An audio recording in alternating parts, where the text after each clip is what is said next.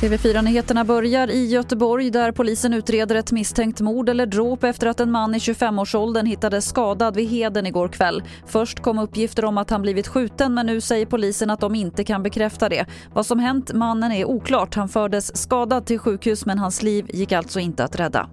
Så till Nya Zeeland, för där har nu domen kommit mot den man som sköt ihjäl 51 personer i två moskéer i staden Christchurch förra året. Han dömdes till livstidsfängelse utan möjlighet till frigivning. Och domen är historisk eftersom straffet aldrig använts tidigare i landet. Och vi avslutar i USA för sent i natt svensk tid var det vicepresident Mike Pence tur att tala på Republikanernas partikonvent. Han accepterade formellt nomineringen som Donald Trumps vicepresident och hyllade honom förstås.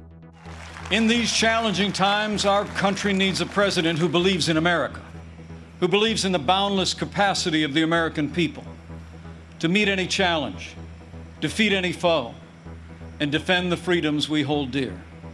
America needs four more years of President Donald Trump in the White House.